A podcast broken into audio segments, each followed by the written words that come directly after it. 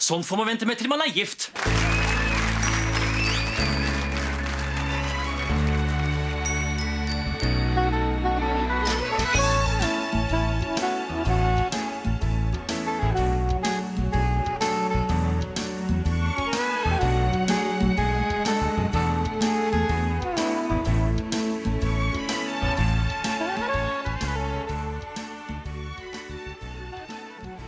Hei og velkommen til en ny episode av Norsk film filmpodkast. Podkasten hvor vi ser norsk film med et kritisk, men kjærlig blikk. Mitt navn er Emil. Jeg sitter her som alltid med. Stefan heter jeg. Uh, Stefan, kan ikke du snurpe igjen smella di? Du maser som et lokomotiv. Er du liberal, din jævel? Ja, det stemmer. I dag har vi sett en av de mest beryktede filmene i Norge har eh, produsert noensinne. Må være lov å si det. Snakker selvfølgelig om Lasse og Geir, regissert av Sven Wam og Petter Vennerød fra 1976.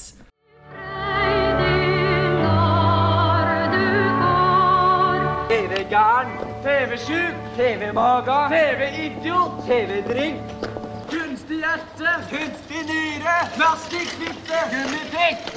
Hold opp med den forbanna skrikinga her! Hold kjeften på deg, ditt gamle vrak. Hei! Er det noe vi kan stå til tjeneste med, frue, så er det bare å si ifra. Er det Pink Floyd, eller? Hva? Jeg spør om det er Pink Floyd. Det er så kul musikk, liksom. Pass blodtrykket, det.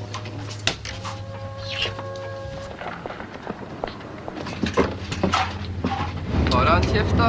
Nei takk. Det er bra for deg, skjønner du. Kan du ikke ta deg en kjeft, da? Kona di kommer til å tro at du har tatt eldste. Jøss, mann, det blir den trippen. da. tar jeg en kjeft, da. Vær litt myk og ta en kjeft, da.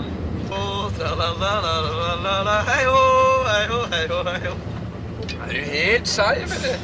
Tenk på, nå skal de hjem til sure skrepper. Dagsrevyen. Og dette her var vel første filmen som Wam og Vennerød regisserte sammen, tror jeg. Ja, Sven Wam hadde, hadde regissert noen filmer før. eh, og, men dette var jo det første. Liksom, det, det skulle jo starte var liksom kimen til et frodig samarbeid som Jeg vet ikke hvor mange filmer de kom med, men godt over 10. 15 stykker, kanskje. For de fortsatte jo å lage film sammen helt frem til Det var vel en av dem som døde først, var det ikke det? Ja, men det er eh, fram til 90-tallet, og så midt, midten av 90-tallet, med siste filmen, med Sebastian. Og så eh, gikk de vel hver sin vei. Uh, Vam var vel Han fikk vel en eller annen eh, sykdom, mens Petter Vennerød fortsatte jo som produsent ganske lenge. Kan ikke du si litt om Hva og venner generelt? Fordi du har sett ganske mange av filmene deres. Hva slags posisjon er det de har i norsk film, vil du si? Nei, altså de er jo De har jo vært uh, Det har vært, noen, en, det har vært en motvekt til alt det andre som ble laget i Norge på uh, 70-, 80- og ja, tidlig 90-tall. Uh, og det er jo det at dette her er jo De var jo anarkister, på en måte. De var jo liksom fremmede fugler i filmbransjen, mens veldig mange andre liksom produserte enten disse liksom norsk film eh, fra dette statlige norske filmselskapet som liksom skulle være kunstneriske, og som ofte feila litt, eller sånn gjennomkommersie filmer som ble produsert av Teamfilm, eh, gjengen bak Olsenbanden, og en del andre sånne produksjonsselskap, så var jo dette her noe liksom annet som, som retta seg liksom, ja, tydelig liksom inspirert av eh, europeisk kunstfilm, tysk film, litt sånn Wim Wenders Fastbinder annet. Du, du gjenkjenner jo en del av de trekkene her. Og ble jo liksom, også i sin egen samtid, så ble jo det her latterliggjort. Eh, Den der eh, sofa fra Ikea, den der sangen til Ole Paus, den er jo, den beskriver jo en Vann og venner-film. Den svartere natten, som den heter. Å ja, det visste jeg ikke. Fordi det er jo en ting med Lasse og Geir også. Lasse og Geir er vel den klart mest kjente filmen de har. Ja, Og det kan man kanskje si med en gang, at dette her er jo en film som har blitt veldig mye latterliggjort, og fått et slags sånn kalkunstempel etter hvert. Det var i hvert fall sånn jeg først ble kjent med Lasse og Geir og også Vam og Vennerød. Var jo gjennom Åpen post og greiene til Bård og Harald. De har jo veldig mye på dette her 'snurp igjen smella di, maser som et lokomotiv, replikker, ja sånn kor som står og synger 'snurp igjen smella di' og sånn. Men bruker vel også mye klipp fra Hva med Vennerød i programmene sine. Uh, Så da jeg liksom skulle se den filmen her da jeg var sånn 17-18 år gammel, så gikk jeg jo til den for å se en sånn dårlig film som jeg skulle le av. Liksom, at jeg gikk til den med et sånt ironisk eh, utgangspunkt. Og det tror jeg kanskje er litt sånn typisk spesielt for denne. Hva tenker du liksom om den statusen som eh, Lasse og Geir har fått? Jeg syns jo altså eh, synes jo den statusen Lasse og Geir har fått som en sånn fjollefilm, er helt fortjent. Men jeg syns jo at eh, det som er dumt, er at man har- kastet hele Hva og Vennerøds eh, liksom filmproduksjon under bussen. For det er jo det er ganske mye snadder og mye bra her innimellom, som er, har mye høyere kvalitet enn det Lasse og Geir har. Mye av det de lagde på 80-tallet, f.eks. Adjø solidaritet, Drømmeslottet, eh, Hvem har bestemt er en kjempegod film. Eh, utover på 90-tallet så fallerer det litt, men du har jo også noen sånne komisuksesser, sånn som Bryllupsfesten, hvor liksom har alle norske kjente skuespillere. Liksom Harald Heide Steen og liksom hele gjengen er med. Det er jo en uh, det er også en morsom film. De har jo vært innafor veldig mange sjagere. Så jeg er en Mamma Vennerød-fan altså i bunn. Men Lasse og Geir, den, eh, den syns jeg er litt oppskrytt. Ja, vi får se hva vi synes om den etter hvert. Eh, Men jeg, men jeg tenker kanskje for den podcasten her, så er det Jeg, jeg er i hvert fall litt hypp på å unngå den her veldig sånn ironiske tonen og bare sitte liksom og disse teite replikker. Hæ, var det ikke det vi skulle gjøre? Det var det jeg trodde da du, da du ringte og fortalte at vi skulle snakke om Lasse og Geir. For det er- var din idé. For det er veldig lett, det er veldig vanskelig å se filmen i dag uten å ha på seg de brillene, merker jeg. Og ikke sitte, litt og flire litt Ja, sånn ironisk. eh, vi har jo invitert Harald Eia, står utenfor der og banker, men han står med sånn svart parykk og skal være med i studio. Nei, får, så god stemning. Han får bare stå på gangen for min del. Jeg tenker liksom at det er, litt mer interessant å prøve å behandle det som om det skulle vært liksom en vanlig film som forsøker å si et eller annet. Og det, det var jo også sånn den ble oppfatta i sin samtid, tror jeg, da den kom. Jeg det er Den var, den var veldig kontroversiell, den fikk veldig sånn blanda kritikker, men den ble jo liksom først og fremst oppfatta som noe som var veldig vågalt, noe som var veldig autentisk, som tok liksom ungdomskulturen på kornet. Som er vel stikk motsatt fra hvordan folk tenker om filmen i dag. Eh, Den er veldig lite troverdig, syns jeg, i sin eh, liksom, generasjonsportrett. Men eh, jeg vet ikke, kanskje det var sånn folk oppførte seg på 70-tallet? Jeg, jeg, altså, jeg opplever den som sånn relativt troverdig. Men det som også er gøy med Lasse og Geir, er at du ser at det liksom flere Det var jo flere filmer etterpå som fulgte opp og prøvde å være Lasse og Geir-aktig. 'Atre tørr, f.eks., som er en norsk film fra 80-tallet. Liksom, er også to gutter som ser kliss like ut som Lasse og Geir, snakker likt, og liksom den samme stemningen, litt sånn småkriminelle typer. Og så har du jo Døden på Oslo S, og dette her måte, det er jo en, Ja, du det er jo- tenker at det er en sånn Lasse og Geir jeg er jo litt inspirert av det samme. Og Ingvar Ambjørnsen har jo et Lasse og Geir-aktig språk. Ja. Har jo deres eh, Hva er det heter? Libro er det, Jeg vet ikke hva det heter. Du er jo en akademiker. En eh, sosiolekt? Sosiolekt er det det heter. Ja, men eh, altså, det, det er jo, Lasse og Geir er jo en film som på godt og vondt eh, er veldig umiskjennelig. Og det er jo også en film som jeg tenker at hvis du på en måte lukker øynene og ser for deg norsk film, og da norsk Ja. film kanskje brukt på en litt sånn nedsettende måten, på noe som er litt sånn rart og ikke så veldig bra, så er det liksom Lasse og Geir du ser for deg. Det er en måte prototypen på den, norsk, den type norsk film som regissører ikke vil lage lenger, Ja, jeg. hvis du skulle Hvis du kalte et kvalitetsstempel på filmen foran, sånn norsk film, Mm. så er det den her. Jeg burde blitt skutt opp i den der romraketten som et sånn eksempel på ja, dette her er den norske filmen har å by på. Eller sånn, I Sverige så har du sånn der, eh, kanon med svenske filmer som alle innvandrere skal se når de kommer til Sverige. Da tenker jeg at Lasse og Geir ville jo vært en sånn del av en norsk kanon. Ja, jeg tror Fremskrittspartiet har vel tatt til orde for det, tror jeg. Å vise den til folk som av asyl, asyl og flyktninger og sånt til Norge for å avskrekke folk fra å komme. Men eh, en annen ting som er litt sånn interessant Hei, jeg hva, hva faen, jeg kommer ikke på hva han heter. Hei, Bård Hoksrud! En ting som er også litt sånn interessant i filmen, er jo at det, det er vel først og fremst amatørskuespillere, regner jeg med. eh, Og de som spiller Lasse og Geir selv, da, Torgeir Skjerven og Lasse Tømte, de var også amatører som ble rekruttert til filmen via en Dagbladet-annonse. Kan jeg fortelle én morsom ting om Torgeir Skjerven? Ja. Eh, I 20, 2009, da jeg så den filmen der første gang, så gikk jeg inn på For han er poet, så gikk jeg inn på Facebook Uh, Han har en sånn egen Facebook-konto, sånn at du kan like Torbjørn eller Torgeir Skjerven. Uh, vet du hvor mange likes han hadde? Vet ikke, 10? 14. 14, ja. det var ikke så langt Det ifra. var ikke så langt ifra. Nei, da, da, I den Dagbladet-annonsen da, hvor de lette etter skuespillere, så var det bare ett krav. Og det var at skuespillerne måtte være i opposisjon til det samfunnet vi lever i. Det er en sånn interessant nyanse at eh, Lasse Tømte spiller Geir, mens Torgeir Skjerven spiller eh, Lasse. Ja, Hvorfor er det ikke byttet på? veldig forvirrende når du skal spille inn en film. At du spiller liksom mot en person som heter ja, hvem må du skjerpe deg. Lasse. Og så er det sånn, vet ikke Lasse hvem som er Ja, når Hvilken Lasse regissøren skal kommunisere til skuespillerne hvem er det man egentlig mener når man sier Lasse, så refererer man til karakteren Lasse eller til personen Lasse. Så morsomt at de liksom gjorde litt om på det, men det står vel kanskje i stil til den der anarkistiske tonen da, som preger hele filmen. Kan vi kanskje gå i gang med åpninga her? Det begynner med at eh, Lasse og Geir de går nedover gata i drabantbyen der de bor, og så roper de ut masse sånn tilfeldige fraser. TV-unger, TV-mamma, TV-pappa, TV-gøy, TV-drink, TV-idiot, kunstig hjerte, kunstig nyre. Og så får man noen bilder av noen sånn grå, firkanta, konforme boligblokker. Ja, det er sånn, det er bygd, det er sånn typisk sånn uh, drabantby fra slutten av 60-, tidlig 70-tallet. det er liksom sosialdemokratiet vi ser da, liksom i dets uh, grå gullalder. Ja. med sånne triste grå plener rundt og sånn skeive skilt og slitte busker og sånn. Ja, Lasse og Geir ser jo ganske sånn eh, umiskjennelig ut. At uh, Lasse han er liksom litt liten type med krøller, sånn afro. Og så Geir Jeg blander ikke sammen nå. Jeg jeg blander alltid sammen hvem som er Ja, Lasse det og hvem som er Geir. husker aldri heller. Jeg tror, eh, Nei, Geir er han med krøller, og Geir er Lasse krøller. er liksom ganske sånn lang og hengslete type med langt hår, og de går i litt sånn eh, klær som er en sånn blanding mellom hippie og en slags punkestil, tror jeg. Sånn, Hvis, liksom hvis dere vil google han ligner, Lasse ligner litt på Jan Boyer Vindheim. Han kan dere søke opp. Han er nesten lik Lasse. Og så går de inn på en eh, dagligvarebutikk og fortsetter egentlig bøllinga der. De stjeler noe pils, de spør kassadama om det er Pink Floyd hun spiller. Og så går de på bussen, og da kommer det en scene som er vel en av de mest kjente i filmen, tror jeg. At de setter seg liksom helt bakerst og begynner å drikke pils, og så forsøker de å få en sånn streit type til å smake på ølen deres. Tar en kjeft, da! Tar en kjeft! Kona di kommer til å tro at du har tatt LSD! Vær litt myk og ta en kjeft, da. oppfører seg generelt veldig kultent mot de andre passasjerene og forstyrrer egentlig hele bussturen.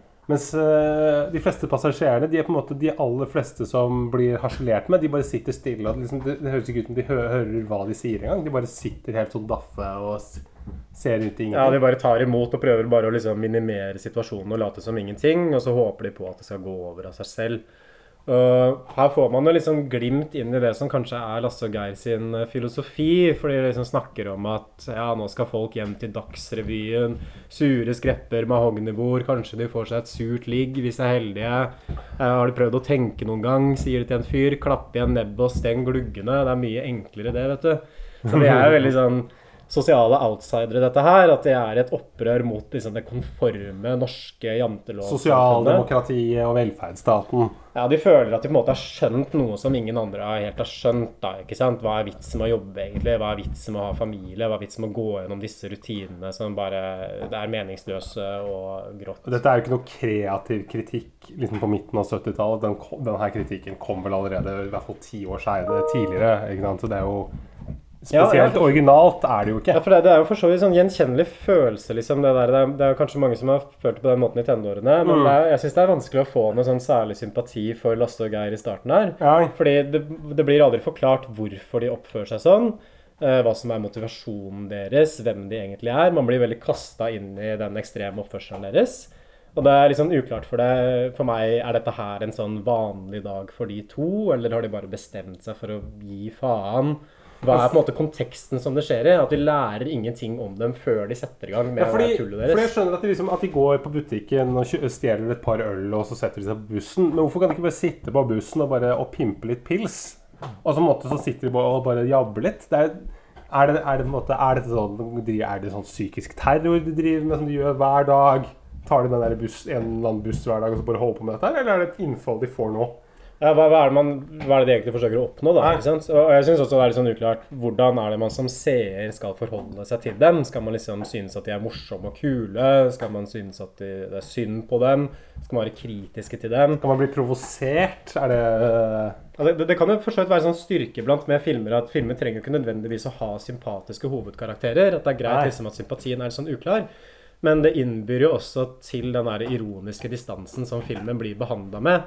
Fordi man havner veldig på utsiden umiddelbart som seer. ikke sant? Da man sliter veldig med å forstå dem, og derfor blir det også veldig rett, lett, lett å liksom se på dem som litt sånn latterlige. For det er noe sånn utenomjordisk med dette her. Dette er, ikke en, dette er ikke en ekte verden. Dette er en eller annen fantasiverden. Som vi på en måte Som vi bare som, ja, som du sier, vi ser fra utsiden. Dette har, ikke noe med, med Norge 1976 å gjøre. Eller i hvert fall veldig lite. Ja, det, det, det, hjelper jo ikke liksom at de er jo også så jævlig teite, liksom. Og, og de er ganske sånn slemme også, og ganske kvinnefiendtlige. Det er en ting som egentlig går igjen i filmen. Ja, det, det de på bussen, det er jo den klassiske scenen der hvor de sier sånn Skal du se på kukken, kjerringfaen? Og så viser Lasse kuken til ei på bussen. En sånn gammel dame som Eller er middelaldrende. gammel, jeg tror- middelaldrende vel sånn 30-40-åra. Jeg, jeg tipper at du er 28 år. Ja. Men du ser ut som at du er 50. Folk så jo, Det var sånn det var før i gamle dager. At folk, eh, folk du, du, trodde du trodde de var sexy, så var de 19 år. Er jeg så opprørt at noe slikt i det hele tatt er mulig? Går det virkelig ikke an å ta med silkehansker på sånne typer?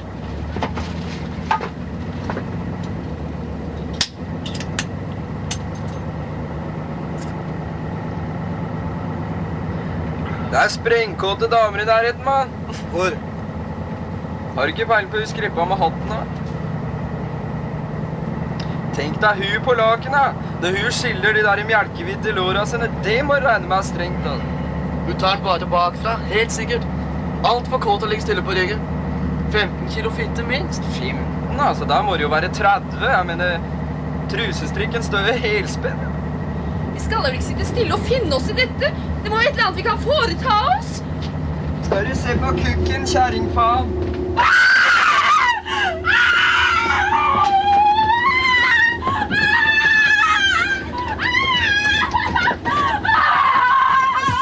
bussen, da!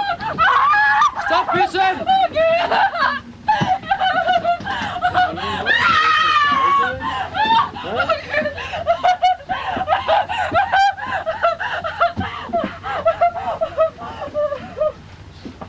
Det, det, det er kanskje sånn ting med filmen som eh, er sånn datert. da, fordi nå i dag, hvis den filmen hadde blitt laget, så ville man jo tenkt at For det er jo et slags sånn ja, Seksuelt overgrep blir kanskje å ta litt hardt i, da, men det er i hvert fall seksuell trakassering. Du skriker uh, uler og når du får se på kukken. Ja, ja jo, men, men på den tiden så skal man kanskje tenke at ok, dette er litt sånn rebelsk og tøft på en måte. Men i dag så vil, er det nok til enhver Mm. Ja. moderne seer mister jo all sympati liksom med Lasse i det øyeblikket han gjør det. For en, en dame har jo ikke gjort noen ting.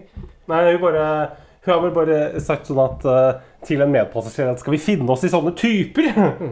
Det er jo noe vi kan gjøre! Så det er for så vidt en legitim reaksjon, da, for de Ja. sitter jo liksom og hetser og hunser folk. Og Men jeg skjønner ikke hvorfor ikke bussjåføren griper inn tidligere og sier at nå må dere forlate gå av bussen. eh, Du kan ikke si det pils i bussen her. Ja, fordi etter hvert fall den blottinga, så blir det liksom helt sånn kaos på bussen. Og alle bare begynner å skrike og tar helt av. Og Og folk som så gammel kjerring som prøver å åpne dørene mens bussen kjører. Og det er liksom helt sånn uh... og bare forsøker å komme seg vekk, liksom. Alle går helt sånn der i panikkmodus.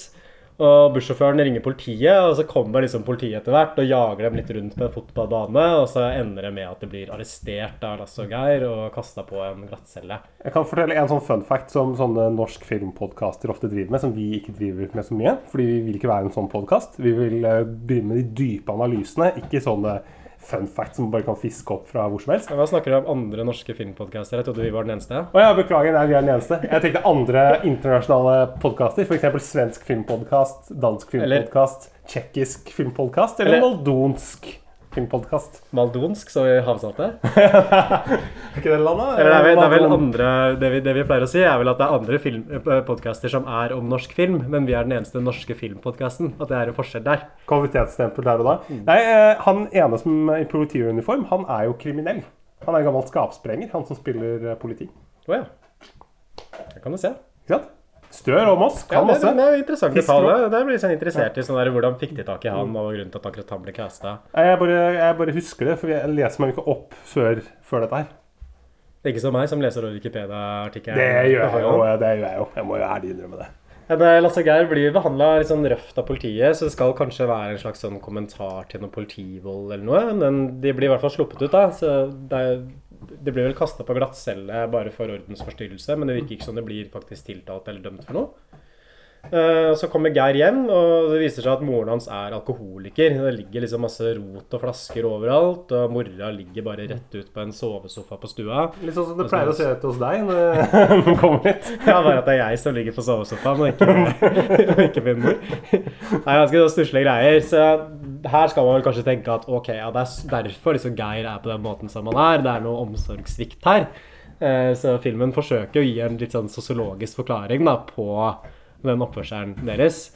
Og mora vil at Geir skal gå ut og kjøpe øl til henne, og da nekter han. Og så blir det en sånn fysisk konfrontasjon mellom dem, så ender det med at han ganske brutalt, syns jeg, dytter mora ned på sovesofaen, og så stormer han liksom ut i sinne.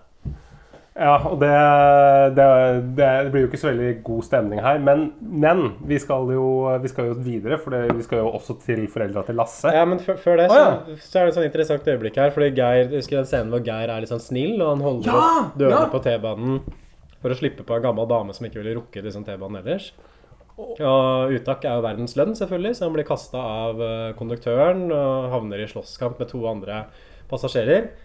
Så det er jo jævlig slitsomt liv Lasse og Geir lever, for de kommer jo i konflikt uansett hvor de går. Ja, om de, de om de oppfører seg som rasshøl eller prøver å være snille, som de er innerst liksom på, De er gode på bunn, så, liksom, så blir de Det er uttak av verdens lønn. De får bare dritt uansett hva de gjør. For filmen utspiller seg jo over bare én dag, eller kanskje sånn 24 timer i livene deres. Får man litt sånn inntrykk av, i hvert fall. For det Ja. går veldig sånn fra interaksjon Ja. til interaksjon. Og man får jo inntrykk av at ja, igjen, er, de er bare i konflikt, da. Kontinuerlig, liksom. Så driver de og krangler. Og hvis de ikke krangler med andre, så krangler de med hverandre. Ja, og um, det som skjer nå, er i hvert fall at nå, nå er vi hjemme hos Lasse. Og han er litt en annen familiesituasjon. Nevrotisk mor som bare sitter og maser om hvor, hvor Lasse har vært og hva som har skjedd siden sist. Og har du sett de nye naboene, Lasse? Det er en uh, ung mann som bor sammen med en gammel dame. Og, uh, Lasse er jo bare helt han det... Gi faen i det, da. Hva skal altså, naboene bry seg om hvordan jeg går kledd, da?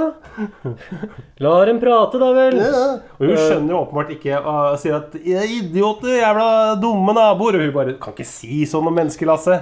Jeg bare, hva vil folk tro? Hva vil folk synes? Så det, det, det er på en måte sånn representant for den mer sånn besteborgerlige norske arbeiderklassen, tenker jeg. Mens Geir kommer fra en mer sånn filleproletær, skada bakgrunn. Mens eh, moren til Lasse, og faren også, finner vi ut etter hvert, er veldig dømmende. Veldig opptatt av å være respektable, gjøre ting som sømmer seg. Veldig opptatt av hva folk syns. Mer enn det, mer enn det, mer enn det liksom øvre borgerskap ofte er opptatt av. Ja, Her ser vi liksom konformiteten da, ikke sant? og presset på å passe inn, som da Lasse går i opposisjon mot. Ja, og det, Du skjønner jo det at det må være slitsom og slitsomt å være en del av den familien. Og Han har også en liten bror som heter Finn, som er spilt av Thomas Robsan, den eh, i dag kjente regissøren. eh, Som har regissert den der punk-serien på NRK, blant annet. Den, der, den som gikk den der dokumentaren om norsk punk. Ja.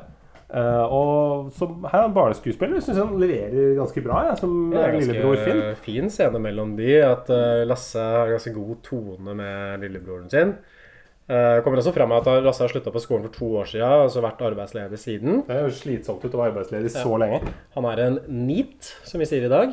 Oi, hva betyr det, Emil? Not employed or educated, et eller annet sånt. Er det NEAT, noe- da er det både utenfor arbeidsmarkedet og utenfor skolevesenet. som Er det, ung. Er dette noe fra sosiologien, eh, Emil? Det er Så det, det er mer allment begrep. Så Å ja, er det det? man bruker mye på Reddit og sånn. Det er vel der jeg har lært det. Ja, det er der du vanker. Og så kommer eh, pappa hjem, vet du, og her får vi en annen ganske sånn kjent scene. Uh, når familien skal spise middag. Kalt middagsscenen. Ja, og faren er rett og slett en jævlig kjip fyr, liksom. Han er rasshøl, han. Ja, han er, Han er han er den mest, mest usympatiske personen i filmen med ganske klar margin. Han er veldig autoritær, han er patriarkalsk, han virker nesten Han er rett og slett ondskapsfull. Ja, kontrollerende. En Han, mishandler. han begynner jo først med sønnen og snakker om at uh, du holder gaffelen feil vei, og du spiser ikke som folk. Og, altså, de, de som er interessert i det der, kan jo google den og se på YouTube. Igjen, men igjen, dette er respe det respektable. ikke sant? Du Ja. kler deg ikke riktig, du spiser ikke riktig. Du må spise opp maten som vi gir deg, du må være takknemlig. Dette med å passe inn da, liksom, i, i, inn i et sånn borgerlig dannelsesideal. Ja, det er veldig viktig for han. Mm. Um, og Lasse svarer jo og sier at du spiser ikke så jævla pent, du heller. uh, Og det er, det er jo det er den sjargongen der. Men så kommer desserten på bordet etter at de har spist en sånn, der, litt sånn brun, uformelig, ekkel Er lapskaus. noen koteletter eller noe sånt? Er det Nei, det jo lapskaus. Ja, det det, er ser ut som lapskaus. Det ser, eh, ser ikke, er ikke, det ser liksom ut som det ser ut som du kjøper på boks. Mhm. Ikke en god lapskaus, dette her. Da kommer desserten på bordet. Og litt, litt, da kjenner jeg meg litt igjen i faren. Fordi han, han skjønner ikke vitsen med dessert. Måtte bruke penger på sånn gult, stivna vann. Eh, og mora Han, han lar jo det gå utover mora, som virker som på en måte er en sånn nevrotisk type som måtte stått og slava på det kjøkkenet og jobba for Hun er veldig kua. Det er Veldig. Også tidligere også, hvor når faren kommer hjem, så kommer hun liksom inn på rommet til Geir, eh, nei, til Lasse, og er helt sånn andpusten. 'Nå er far her, nå er far her, nå vil vi spise'. Så det er tydelig en veldig usunn dynamikk mellom de to. Ja, De burde jo skilles, men hun har jo ikke så mye valg når det er hjemmeværende. Og han, hvor skal hun gå?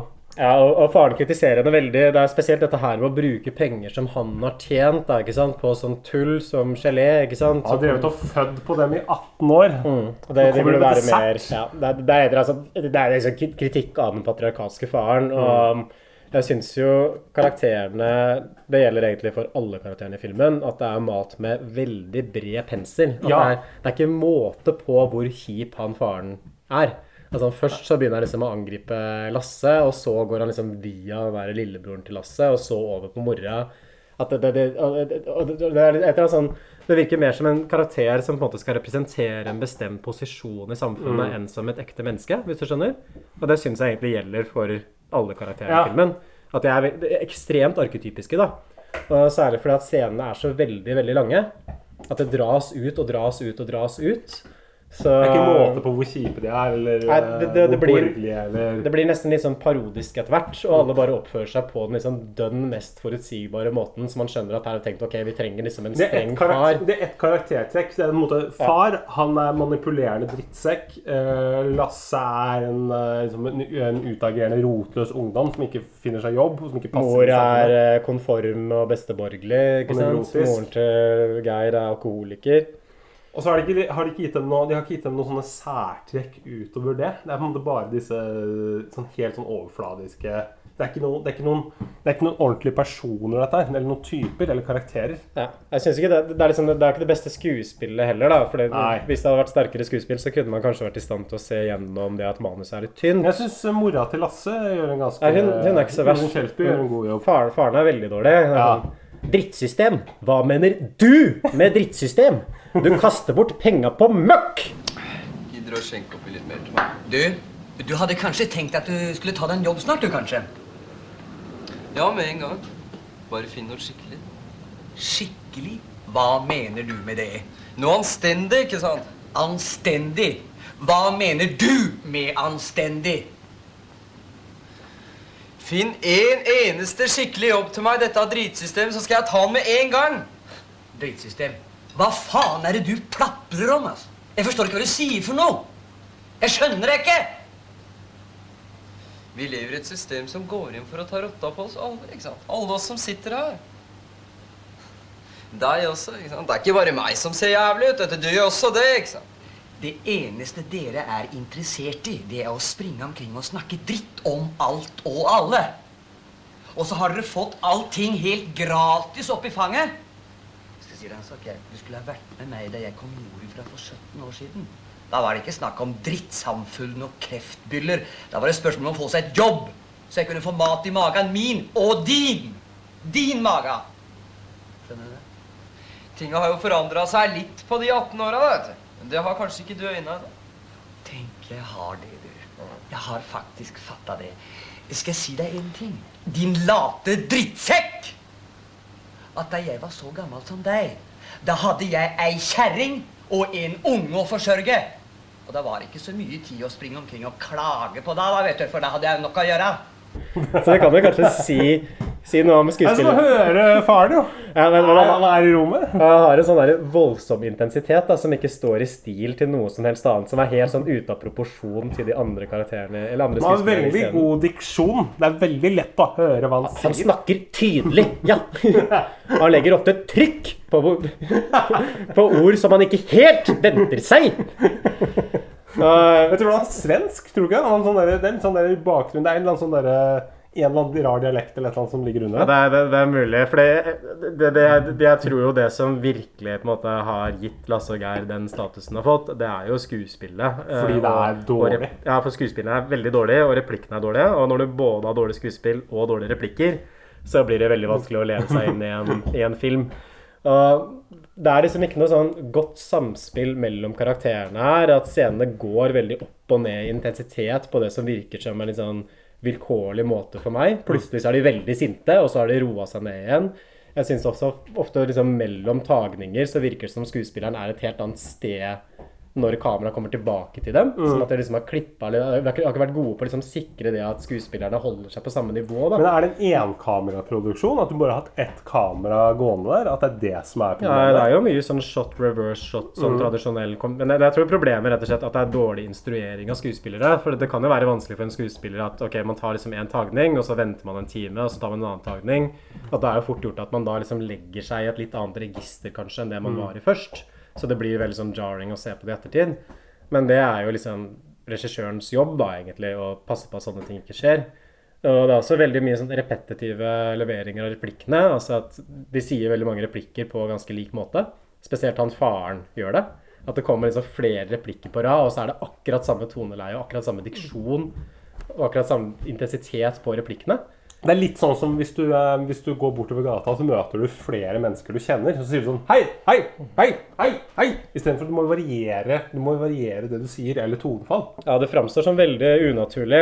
Og det, jeg tror at det er dels kanskje at skuespillerne ikke er så flinke, men jeg tror hovedproblemet her er at regissørene, altså Bam og Vennerød, har vært veldig dårlige på å liksom, jobbe med skuespillerne Ja. og få dem til å liksom, levere replikkene på en måte som funker helhetlig sett. Jeg tror man bare har stilt opp kamera og så bare starta. Nå starter ja, vi med middagsscenen. middagsscene. Ja, ja. Og kanskje ikke tenkt nok på liksom, ok, dette er en scene som varer kanskje For de scenene også er veldig lange, som jeg sa i stad. De varer jo fort i sånn ti minutter hver scene, liksom. Og det er bare at de sitter og spiser middag og krangler. Jeg får inntrykk av at det er noen som har veldig lyst til å lage film, men som kanskje ikke helt behersker det å lage, å lage film. Jeg er enig. Også at man har tenkt liksom at man har vært veldig opptatt av hva filmen skal kommunisere og handle om. Og så har man kanskje ikke vært så opptatt av det mer sånn filmatiske. Og lage liksom en historie som funker, og karakterer som er interessante og troverdige. At det er en film som vil veldig mye. Men det den vil, er nesten kun på et sånn tematisk og politisk plan. da. Den vil ikke noe filmatisk, Nei, jeg, er bortsett fra å formidle noen ideer. Og så er det- det er jo null kunstneriske ambisjoner i den filmen. Mm. Ja. Ehm, ja, det, det, det var den scenen der. Nå, nå går det liksom videre Lasse blir kastet på dør eh, av far. ja, ja, det slutter klikker. med Lasse klapser til faren sin. Ja, han står opp for mora si. Ja. måtte si nå, nå, må du, nå må du skjerpe deg, din forbanna drittsekk. Mm. Ja, så det er vel sånne ting som skal, man skal få litt sånn sympati for, kanskje. For det var både Geir som holder opp døra for den gamle dama, og så er det Lasse som beskytter broren og mora si litt. Ja, men jeg vet ikke. Får ikke så mye sympati for Lasse. Nei, nei, det er umulig å få sympati for disse karakterene. Kanskje hvis du er sosionom, ikke sosiolog, så kan du få sympati. Så møter en gjeng andre ungdommer på T-banestasjonen, og så drar de til en sånn skikkelig crappy leilighet for å røyke hasj. Ja. Og da har de med seg to damer. Har du sett at hun ene ligner på proffen i Døden på Oslo S? Jeg gjorde det. Hun som er litt eh, Har litt mer på beina enn andre. enn hun, hun som ikke sliter med spiseadoreksi. Ja, hun som er litt en godt stappa. Hun som eh, Geir driver og skal prøve å ligge med. Og så drar de til det der leiligheten. Det er litt sånn uklart hvorfor de er i den leiligheten. Er det bare en sånn leilighet som står tom, liksom? Eller Ja, men det, er jo sånn, det var jo sånn det var rundt i Oslo. Masse sånn tomme kåker og okkuperte leiligheter og sånn. Ja, hvorfor bor de Fordi Lasse og Geir blir jo hjemløse etter hvert, men hvorfor bor de ikke bare der? I den uh, okkuperte leiligheten. Mm. Jeg vet ikke, men Det virker som at de bor litt sånn eh, De kommer jo tilbake til at de bor andre steder. Ja. La du merke til den leiligheten så du liksom hva som var tagga på veggen? Ja, ja, ja. Sånn LSD, Pink hasj. Floyd står det. Fri hasj. Tror du det er Vam og venner som har vært ute med. Og er liksom sånn stearinlys i en vinflaske. Og så på, på badet så står det 'drit i fitta, pul i dass, mindre søl og bedre plass'. Det er morsomt. Ja, det, er, det er et bra sitat, da. Ja, det er bra sitat, ja. Kunne du hatt det på dassen din, Emil? Ja, jeg har det. Har du det? Ja. Skal sjekke ut etterpå. Ja, det, er, det er mye sånn kjekling mellom Lasse og Geir her også. Sånn der at De driver skal rulle en joint, og da begynner Lasse liksom å kjefte på ham. Og det er også i den scenen her hvor den der eh, ikoniske linja som vi tok innledningsvis, kommer. Det er jo alltid å ha musikk når den er påtent. Helst noe indisk eller pakistansk. Kan ikke du snurpe igjen smella litt? da? Du maser jo som et lokomotiv. Pratekick, vet du. Kom her, ikke vær Jeg vil ikke. Ja, men så stikk til helvete, der skreppefan og stå ikke der og ser dum ut. Ja da! Fy faen, snakker om kjip stil. Røyke opp skitten og gå. Du vet faen ikke hva et knuff er engang, de skliene der. Jeg føler veldig Geir her, fordi Lasse er jo helt sjukt irriterende. Liksom. Ja. Han vil jo ikke slutte å prate. Han bare prater og prater Han sier bare det samme at det er sånn jævla drittsamfunn og Hva er det med alle disse folka som ikke skjønner hva som foregår foran øya på dem? Alle er så lurt. Han føler seg så jævlig smart. så han Jeg føler seg så overlegen, som Ja. er en veldig sånn usympatisk holdning. å Ja, ha, utrolig arrogant alle, type. Alle andre er dumme, bortsett fra meg. Det er kun jeg som har forstått liksom, hvordan samfunnet Jeg har sammen. skjønt skjønte her ligger jeg på en sånn ødelagt sofa et uh, nedtagga rottereir på uh, et eller annet sted i Oslo. Mm. Men den der Snurpe smella di, den ble jo løfta opp av Åpen post, og den kom også på andreplass på en kåring over beste replikker i norsk film i 2005.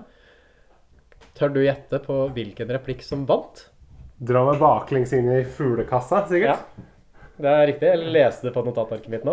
Nei, men Det er sånn man får med seg når man leser på wikipedia.no. Det har vært Før man ser Jeg filmen. har vært inne på samme artikkelsamarbeid. Ja. Ja. Jeg må finne meg bedre kilder. Ja. Montasj, kanskje? Eller Film- og kinomagasinet. Ja. Eller filmmagasinet Z. Hei, Filmmagasinet Z. Eller Per Hattdal. Skal vi ta en liten pause der, eller må vi ta litt mer vann? Ja, vi tar en pause. Eh, igjen så kommer liksom kvinnefiendtligheten til gutta fram. Fordi Geir holder på å hooke med hun dama, og så ender han på å bli veldig sint når eh, hun ikke har lyst til å ligge med ham. Uh, først så liksom prøver han veldig sånn 'Kom igjen, da. Si ja. Kom igjen.' og Liksom presser henne veldig. Og så skjeller han henne ut, da. Og liksom kaller henne opp og sånn. Ta med deg de feite beina dine hjem. Og gutta liksom ender opp aleine, og så klager de igjen over liksom å være utstøtt og utafor samfunnet. Alt er jævlig. Alle pisser hverandre bare opp etter ryggen. Folk står i kø for å pisse hverandre opp etter ryggen, sier Lasse. Politikerne har satsa på griskhet og dumhet. De har trøkka folk ned i TV-stolen. Folk glemmer å tenke. Det blir sløva ned all velstanden og oljeinntekter osv. osv. Og det er jo, det er jo um, tilbakespilt i dag. Altså på en måte det at, at, liksom, at man blir liksom Folk blir jo liksom passive av, av den der velstanden. Ja, men det er jo veldig sånn elitistisk holdning også til folk flest. da, At det blir sånn, nesten sånn udemokratisk. At man antar at folk bare er dumme og blir lurt. Jeg syns at det er litt sånn Det tror jeg, for jeg tror det, men jeg tror det, det, jeg tror det er der Lasse og Geir misforstår litt. At jeg tror det er mange som de, Mange vil jo ha det. Mm. Men det er også det at man i, i dagens samfunn kanskje forveksler liksom velstand med velferd. Ja, det, det, det kan man ha et poeng i. liksom, øh, Hvordan er det man kan mobilisere folk for eksempel, til å være kri mer kritiske til kapitalismen eller mer kritiske til samfunnet vi lever i? Og Da er det jo noen som kan være frista til å tro det at det blir veldig vanskelig, fordi folk veit ikke sitt eget beste, de har en falsk bevissthet, de skjønner ikke sjøl hva slags samfunn de lever i. Men jeg har veldig lite til overs for den type ideer, egentlig. Fordi at det er så elitistisk Ja, ja. og folkefiendtlig. da. Det blir liksom umulig med et politisk prosjekt hvis det opererer fra et sånt utgangspunkt om at folk flest bare er dumme og veit ikke sitt eget beste. Da blir jo utfallet ofte at men da kan du bare ha liksom en diktator eller et opplyst elitestyre da, som bare bestemmer alt, siden folk uansett ikke veit opp og ned og hva som er hva. Men eh, jeg syns jo også Problemet med Lasse Geir, da, for å komme tilbake til den, er at manuset er så ekstremt direkte og tydelig. For man kunne jo tenkt liksom at denne tematikken her kunne kanskje blitt formidla litt mer indirekte. Litt mer gjennom handlingen, kanskje, og at man avslører ting. Men det er bare at karakterene sitter bare og sier filmens tema rett ut. Igjen og igjen og igjen og igjen. Og det er ikke formulert på en veldig sånn interessant måte heller. Og det føles veldig pubertalt ut, da. Det føles litt som å sitte ved siden av en veldig irriterende, liksom, belest 16-åring på et nach. Som skal sitte og fortelle deg om alt som er feil i verden, men som gjør det på en veldig naiv måte. Og igjen så er det sånn uklart hva, hva som er filmens blikk her. da? Hvor tett er det filmen ligger på karakterene? Skal man tenke at Lasse og Geir har rett? Skal man liksom være på lag med dem, eller skal man se på dem med en mer sånn kritisk distanse og reflektere mer ja, på en mer distansert måte, kanskje? Jeg syns det er veldig uklart. Ja, eh, Problemet er jo at, du, at det er vanskelig liksom, å få noe sympati med de karakterene eller å bli kjent med dem. For de har jo ikke noen sånne særegenheter. Annet enn som du sier at det virker som Det er liksom sånne, det er som på en måte 16-åringer som sitter Som på en måte har får lest seg på et eller annet, så bare sitter og liksom eh, tenker ah, verden er fæl, tenk, se hva jeg har, at jeg har forstått det. At ingen andre skjønner det jeg skjønner i det hele tatt. Som ikke har noen alternativer eller noe prosjekt heller. ikke sant? Ja, for det, de, de har jo ikke noe, det virker ikke som de har noen interesser, eller hva, hva, er det de, hva er det de mennesker Hva er det de vil, de her? da? Ja, det, er, det er jo for så vidt en ganske sånn god skildring på, én måte av en bestemt type person som man Ja. kan møte litt på blits. At de kultiverer liksom sin egen outsider-status, så det blir alt de har. Men så har de jo egentlig ikke noen sånn interessante ideer utover det. Nei. Men det er bare Og de det bare at det er kommer med sånn hjelp fra andre. Som de, de, har ikke, de har ikke tenkt noe sjæl der. Det er på en måte bare noe de har hørt, og så bare har de reprodusert det. Og med en gang du på en måte går inn og pirker borti der, så, så faller det som et korthus. De er jo ikke noe det er jo ikke noe, jo noe argument bak den fasaden her. Det er jo, det er det Lasse gjentar jo bare det samme hele tida. Han går jo aldri noe dypere inn i det. Nei, Så blir det jo sånn dynamikk også, fordi de har, det der, de har de holdningene de gjør, og så oppfører de seg på sånn måte at de blir utstøtt fra samfunnet, og så blir på en måte den utstøttheten hele deres identitet. Ja. da. Så de bare bygger opp sin identitet på å bli utstøtt. Som det- de blir av, av ganske gode grunner, liksom. At alle som oppfører seg på den måten der, blir jo utstøtt fra samfunnet. Og jeg, ikke, jeg syns egentlig ikke det er problematisk, fordi man kan nesten ikke oppføre seg sånn, mener jeg. Eh, men men de, de, kommer seg aldri noe videre, liksom. Og man får ikke noe inntrykk av at de forsøker liksom at de har noen idé om å forbedre samfunnet og faktisk gjøre noe med det de klager så fælt over. Og det gjør jo kanskje også at de blir ikke så veldig interessante som karakterer. At man blir veldig fort lei dem. Så allerede her Det her er vel sånn halvveis inn i filmen, men jeg begynner liksom å kjenne på at jeg begynner å bli klar for at hele Lasse Geir-opplevelsen min snart skal være over. Ja, jeg merka jo ehm, Jeg har jo sett den filmen her før, eh, og har ikke sett den på kanskje ti år. eh, og måtte jo ta en pause her og vente til dagen etterpå for å se den ferdig. Ja. Fordi nå, nå går det Nå er det sirup altså etter den der middagsscenen. Nå er det veldig mye sånn Nå kommer vi inn i en sånn periode hvor det er veldig mye sånn vasing rundt i Oslo. Hvor de møter forskjellige karakterer bare på veien som leverer en one-liner og går videre. Så det er en de går, de, går en, eh, de går opp en bratt bakke, så kommer det ei dame nedover og sier at Ja, det går nå framover. Det er hennes rolle. Hva skal det bety? Eller en, en liten gate som ser ut som en sånn gategutt fra en sånn, sånn derre er enten noen åtte år gamle røykere. ja, røyker med sånn, liksom sånn Dickens-aktig type. Eller i kloakken i Romania, som, måtte en sånn type. Som, måtte, som løper over veien, og så kommenterer de han, og han var veldig ung. Og, eller en fyr som står i ullgenser og synger og tigge penger. Ja, det er, det er, det er mye sånne Odde-elementer i bakgrunnen. Og det er noen scener også hvor du ser folk som er sinnssyke, f.eks. Det en sånn gæren fyr på Ja! T-banestasjonen. Ja, han er, han er, fin! Det, ja. man- Det, det skildrer jo på en eller annen måte et sånt Hvem er jeg, da? Hvem er jeg, da? Hvem er jeg? Jeg aner ikke! Man får, man får inntrykk av Så kommer liksom, politiet og legger han i jern. Ja, ja. Det er sånn typisk hva man mener. Alltid en sånn sinnssyk. Ja, men det, er et samfunn som er i ferd med å gå liksom opp i liminga, kanskje. da, ikke sant? Så man, man får jo på en måte Lasse og Geirs blikk på samfunnet. Jeg likte egentlig den sekvensen hvor de bare driver og soser rundt, fordi det er ganske sånn kul 70-tallsmusikk der. Og jeg syns også det var fint avbrekk fra filmens struktur ellers, fordi filmen har jo Helt uenig. en, en veldig retningsløs eh, og, og merkelig oppbygning, syns jeg. Fordi det er bare disse lange dialogscenene som bare avløser hverandre. Og det er ingen karakter som er med i flere scener enn én. Bortsett fra Lasse og Geir. Du blir alltid Ja, introdusert det er for nye karakterer. Og det er alltid en eller annen sånn konfrontasjon som jeg føler at nesten hver scene er omtrent dobbelt så lang som det den hadde trengt å være for å formidle poenget. da. F.eks. Den middagsscenen. Det er ingen grunn til at man skal sitte liksom så lenge med han faren. Ok, man skjønner at han er kjip, Mm. Men de, de, de bruker veldig veldig lang tid på å komme fram til et poeng som egentlig er veldig opplagt. Så jeg syns det var bra bare å slippe dialogen uh, i ti minutter og bare se på at de går rundt i. Oslo. Ja, bare se litt sånn gamle bilder fra ulike steder rundt i Oslo. Ja, for det, som, det som er fint utendørsfoto, da, som ellers er ganske lite av i filmen, dessverre. Men det er jo litt sånn Det, det der er jo litt sånn Oslo-portrett. Det er jo litt som Olsenbanen, det her. Uh, men men det som, er, det som er, er at alle scenene, fordi at vi aldri møter de karakterene igjen Vi ser dem i én scene, og så er de borte. Så blir det sånn, på små sketsjer som bare er satt sammen. Eller små, små kortfilmer som til sammen blir en film. Men jeg syns jo, jo den der vasinga i Oslo at det var fryktelig kjedelig. Ja, det eneste, eneste verdien det har, er som sånt historisk dokument. Ellers er det helt meningsløst.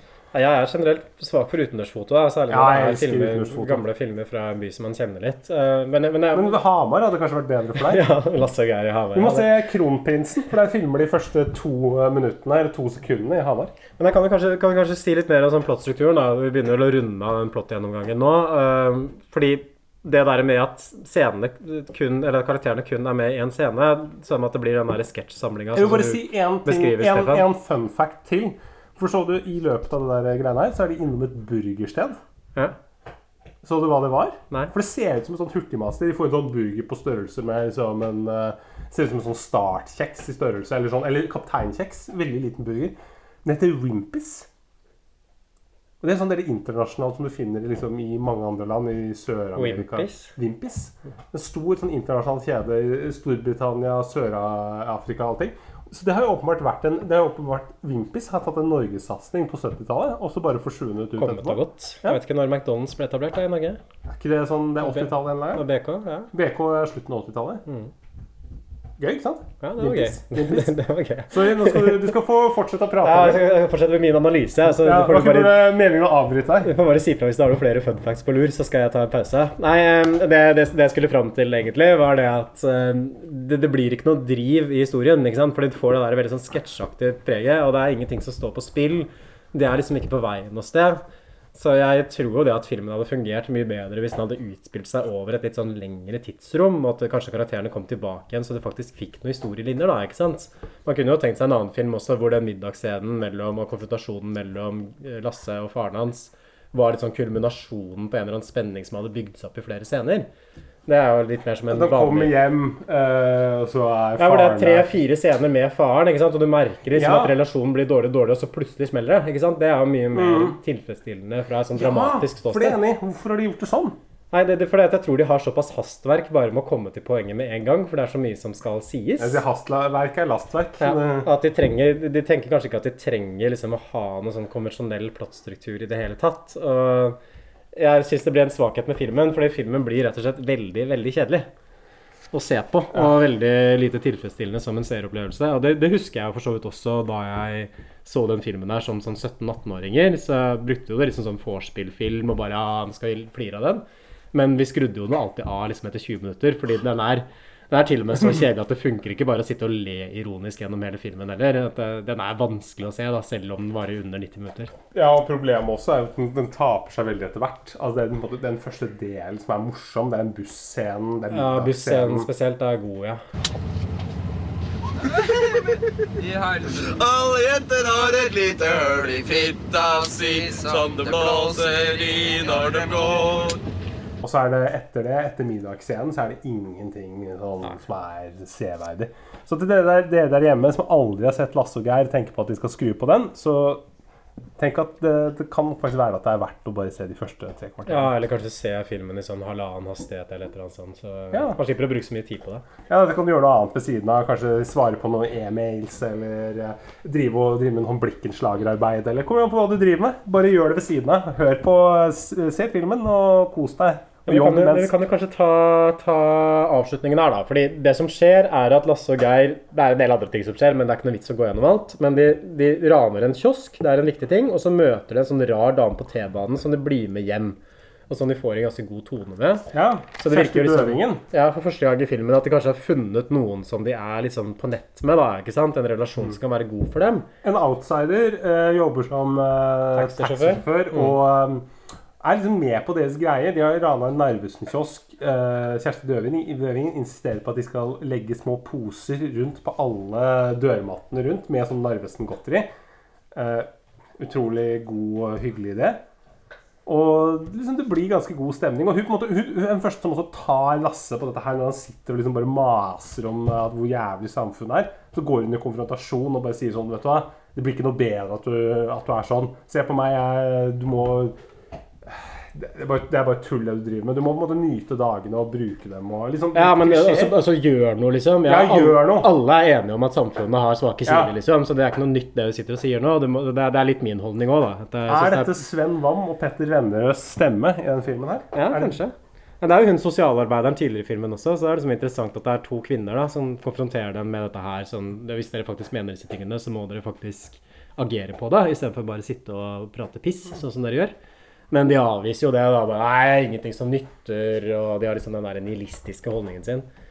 Eh, Men eh, gleden blir kortvarig, fordi politiet kommer på døra for å arrestere Lasse og Geir pga. innbruddet i den kiosken.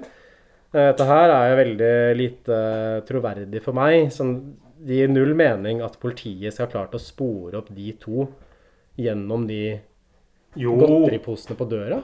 Jo, men tenk her. Det gamle, gang, gamle herr Gjedde Han får jo en godtepose på døra, og så ringer han politiet og sier sånn «Hei, Jeg har fått sånn øh, sjokolade som ligger utenfor her. Og så sitter de på Grønland politistasjon og sier faen, det har skjedd et øh, ran på Narvesen. De har tømt hele kiosken. Så kobler de jo to og to sammen og går rundt på dørene og hører, hører om Nei, hvor, hvor mye er. ressurser er det Oslo-politiet setter inn på å etterforske sånne jævla Er det CSI, liksom, som er på saken? Det er jo veldig lett. Det er jo bare å gå i den ene blokka og bare høre Den ene blokka, det er jo mange ulike blokker. Jeg, jeg, syns, jeg syns det er utroverdig liksom, at politiet At det er en nabo Jeg fikk en godteripose på døra, og så ringer det politiet. Hm, ja, det ble jo rana en kiosk, så sjokoladen må sikkert ha vært derfra. Det er, det er litt tynt at, at politiet da rykker ut og klarer å liksom identifisere Lasse og Geir. Jo, men, men, jo, men, men du, du, poenget her er jo at de har jo ikke gått De har ikke bare gått på døra hos henne. De har jo gått på døra hos alle de andre naboene. ja, igjen, hvor, men hvor mye ressurser er det de bruker på å ferske noen småunger som har tatt noe Herregud, det tar jo en sjokolade? halvtime. Kjører Har du prøvd å anmelde tyveri til Oslo-politiet før? Saken blir jo henlagt på flekken. Ja, men det var kanskje var annerledes den gangen. Det var mindre å gjøre. Oslo var en mer uskyldig by. Det var ikke noe gjengkriminalitet. Det var jo ingenting. Det var ikke noe tull da. Før man fikk uh, gjengkriminalitet og austerity-politikk i, i etaten. Ja. Nei, jeg, jeg, jeg, jeg syns at det er en veldig sånn tvungen utvikling, men det handler jo om at man skal ha en litt sånn sjokkerende avslutning på filmen, tror jeg. Fordi filmen slutter med at uh, Lasse og Geir blir arrestert. Og kjører av gårde i Svarte Maria, og det er egentlig det. Så det er vel en litt sånn åpen slutt. Hva kommer til å skje med dem? Hvem veit? Hvem bryr seg? Jeg bryr meg ikke. Nei, nei måte. uinteressert. Det- Den starter på en måte sånn som den slutta, på et litt sånn arbitrært tidspunkt. Så um, Har du tenkt på at den, mye av den musikken som brukes i filmen, bortsett fra den litt sånn Det har ett et sånn sound som, en sånn, som går igjen hele tiden. Så er det veldig mye sånne norske sånn sjømannsviser og sånn der Einar Rose nå går Ja, på gummisåler. Eh, sånn der veldig sånn, sånn siderumpa sånn filmen starter jo med en salme også, på Ja. fortitlene. Så det tror, jeg må være, når du går. det tror jeg må være litt sånn ironisk, kanskje, uh, ment. Uh, Vennerød skrev om filmen før den kom ut. Uh, noe som er litt sånn interessant, som jeg tenkte jeg kunne lese. Filmen 'Lasse og Geir' skal gi folk de mest motstridende følelser. Jeg vil at de skal føle aggressivitet, kjærlighet, varme, hat. Jeg vil bombardere dem med inntrykk, og helst provosere dem. Får jeg fram det jeg vil, skal filmen bli sjelden provoserende, men samtidig underholdende. Folk har et rimelig krav på underholdning, de betaler jo tross alt ikke så lite for å komme inn på kinoen. Filmen er samfunnskritisk, jeg prøver å skildre baksiden av den sosialdemokratiske medalje, for å si det slik. Syns han lykkes i den ambisjonen der? Nei, jeg syns ikke det. Sånn, de følelsene som jeg ser Det, det er sånn irritasjon, og så litt lattermildhet tidvis, og først og fremst kjedsomhet, da. Ja, det er jo det, det, er den, det den filmen vekker. Men Men så syns jeg også da, hvis du hvis du ser den sånn ironisk, så har den jo det er jo, det er jo det er jo gøy å se middagsscenen og den busscenen. sånn. Det er jo morsomt. Dialogen er jo fantastisk. Men det, men det var jo ikke det han forsøkte på. Det er ikke det han forsøkte på, men hvis du ser, hvis du ser det på en måte sånn, da, hvis du ser det som en underholdningsfilm, så syns jeg den er bra. Ja, Ja, men jeg syns også det var um, Filmen forsøker jo å være veldig radikal. Ja, men, men Og, og det er jo helt opplagt fra det sitatet. Men jeg syns den er veldig sånn uskyldig og litt utfordrende fra dagens perspektiv. Ja, og jeg tror kanskje også det var det da, for dette her er jo etter uh, hippietida. Det er etter ungdomsopprøret i 1968. Etter Vietnamkrigen, etter at AKP-ML har etablert seg i norsk politikk. Så den samfunnskritikken som filmen fremmer, den må jo ha vært ganske sånn kjent og konvensjonell også i Jo. 1976. Men det, det, det, det, er, jo- det det, dette er jo ikke noe nytt. Dette kommer jo, dette kom jo før 68-opprøret allerede. Denne, liksom, man snakker jo om det politiske politisk liksom, historie og sånn at denne, den- denne trøttheten av liksom, At man på en måte er trøtt og lei av det sosialdemokratiet. At man, man blir, får litt nok. Så på en måte, det skjer et sånt skifte også liksom, rundt EU-debatten i 72. Ikke sant? Folk blir eh, fra på en måte folk er veldig fornøyd og på en måte ting går eh, på skinner, og sånn, så begynner folk å bli litt lei av sosialdemokratiet. Men det, det skjedde før det her. Men, uh, Men, men, men jeg vet med, med hvor, Hvordan kan man liksom tro at den filmen der representerer et eller annet sånt radikalt men det det innslag? ikke. Men, men det er kanskje fordi det, er, det nettopp er en film, da, at det ikke har vært til stede så mye i filmen før? At det, Ja, er ting som kanskje har blitt skrevet bøker om, eller teaterstykker eller et eller annet sånt, Ja, men, ikke du så mye har- norsk film? Du har det jo til en viss grad liksom, i Anja Breien. eh, Filmen, som Hustruer. Og den Mm. der voldtekt som, kom, som handler om en fyr som blir uh, uskyldig dømt for voldtekt. Bare at det er, det er mye mer sånn siderumpa. Liksom alt sies med mye det er, det er ikke noe sånn Dette er litt mer hardtslående. Jeg syns 'Hustru' er mer radikal enn den her. Ja, jeg vet ikke. Jeg syns den er eh, litt døv. jeg. Men den kan vi ta en annen gang når vi skal diskutere hustru. Men jeg synes, når du leser den beskrivelsen her Lasse og Geir er litt sånn som sørlandschips med bruna smør.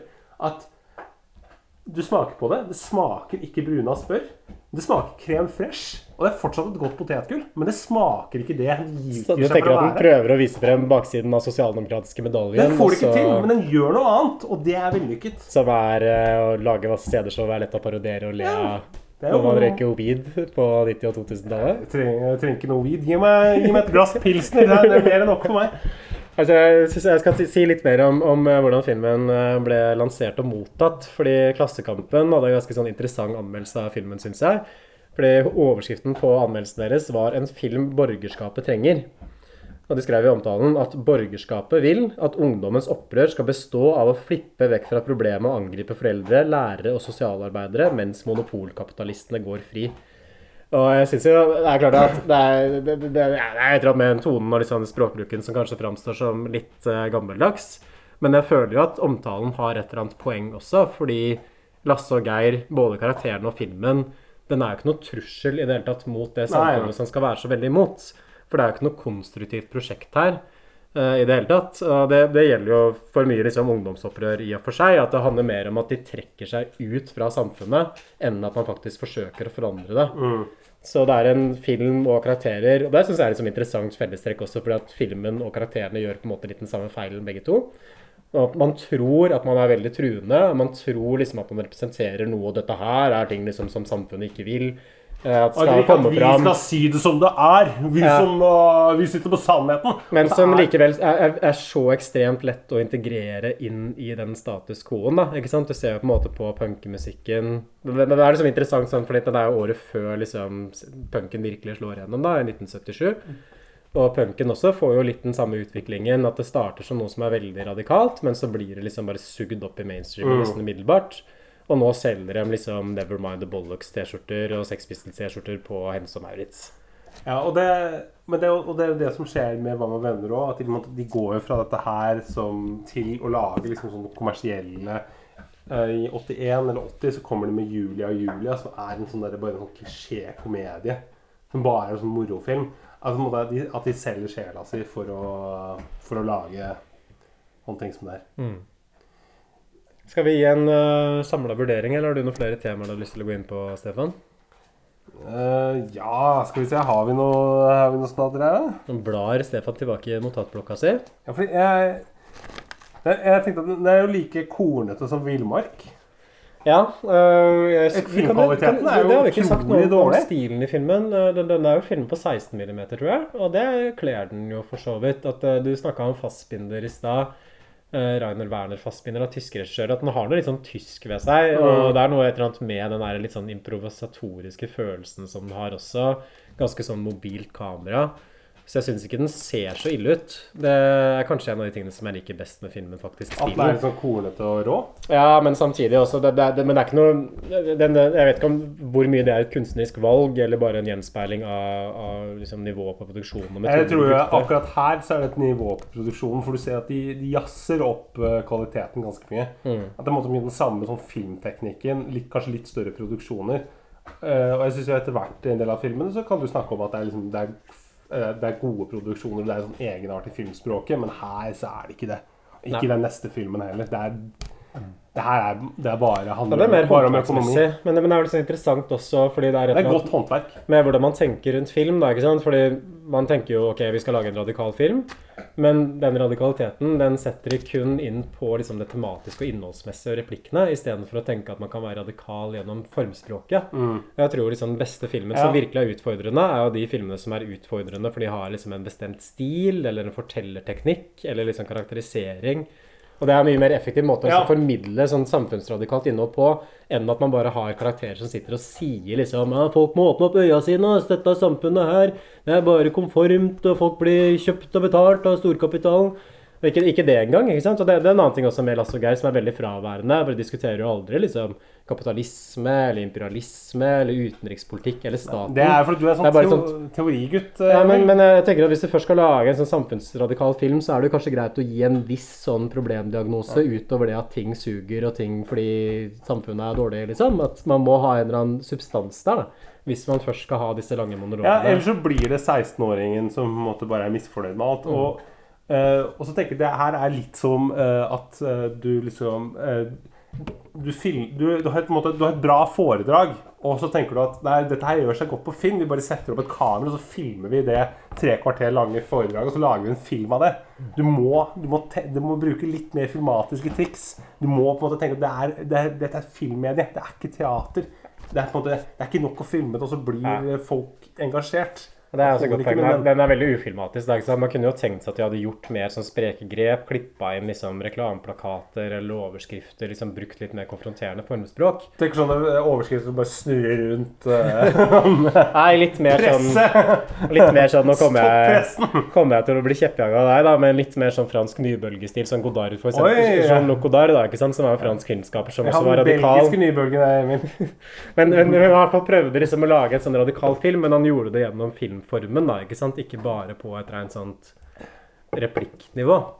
Og um, igjen, men igjen, det er litt sånn der uklart sånn der, hvordan skal man lese forholdet mellom Bam og venner, Ålas og Geir? I hvor stor grad er filmen en hyllest av den type radikalisme, eller er det en kritikk av den? Så det er kanskje en ting som jeg syns tross alt er litt sånn interessant ved den, hvis jeg skal si noe positivt. At det er litt sånn tvetydighet, da. For du kan også lese filmen som en kritikk av den type ungdomsradikalisme.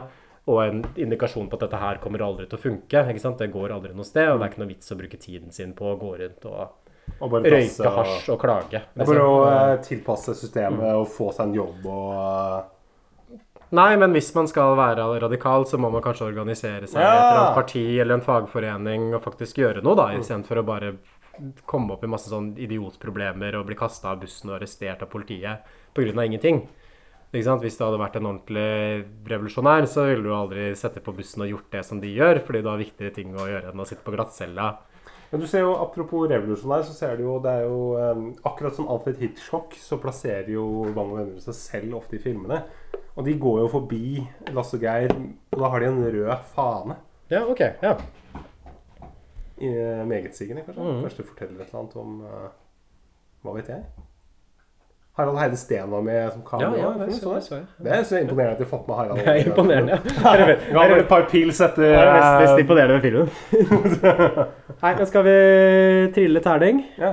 En veggavis, sier jeg, som i Lasse og Geir. Et sitat. Husker du ikke? Hun, som er gal inne på Ja, burgerrestauranten. ja, ja, en vegg og ja. ja. Mm. Ok, hva ender du på? Du som er Hva med venner-ekspert. Terningkast fem. Fem? det er jo, det er jo, det er jo stor Nei, underholdning. vi er, det, er ikke, det er ikke stur. Vi har bare sittet og rakka det på filmen. Det er en utrolig underholdende Nei, film. Du mener ikke det? Jeg syns det er kjempeunderholdende. Nei, jeg terningkast to fra meg, altså. Hæ? En sånn historisk verdi redder fra eneren, men som en filmopplevelse så er det ikke, det er ikke verdt å se. Som underholdning er det terningkast fem.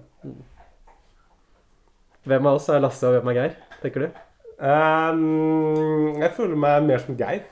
Ja, For du er da kvinnefin på krølltoppen, mens jeg er han irriterende fyren som bare plaprer og plaprer og plaprer? Ja, og om klasse og Vi får legge ut en poll på Facebook-siden, kanskje. Hvem er hvem?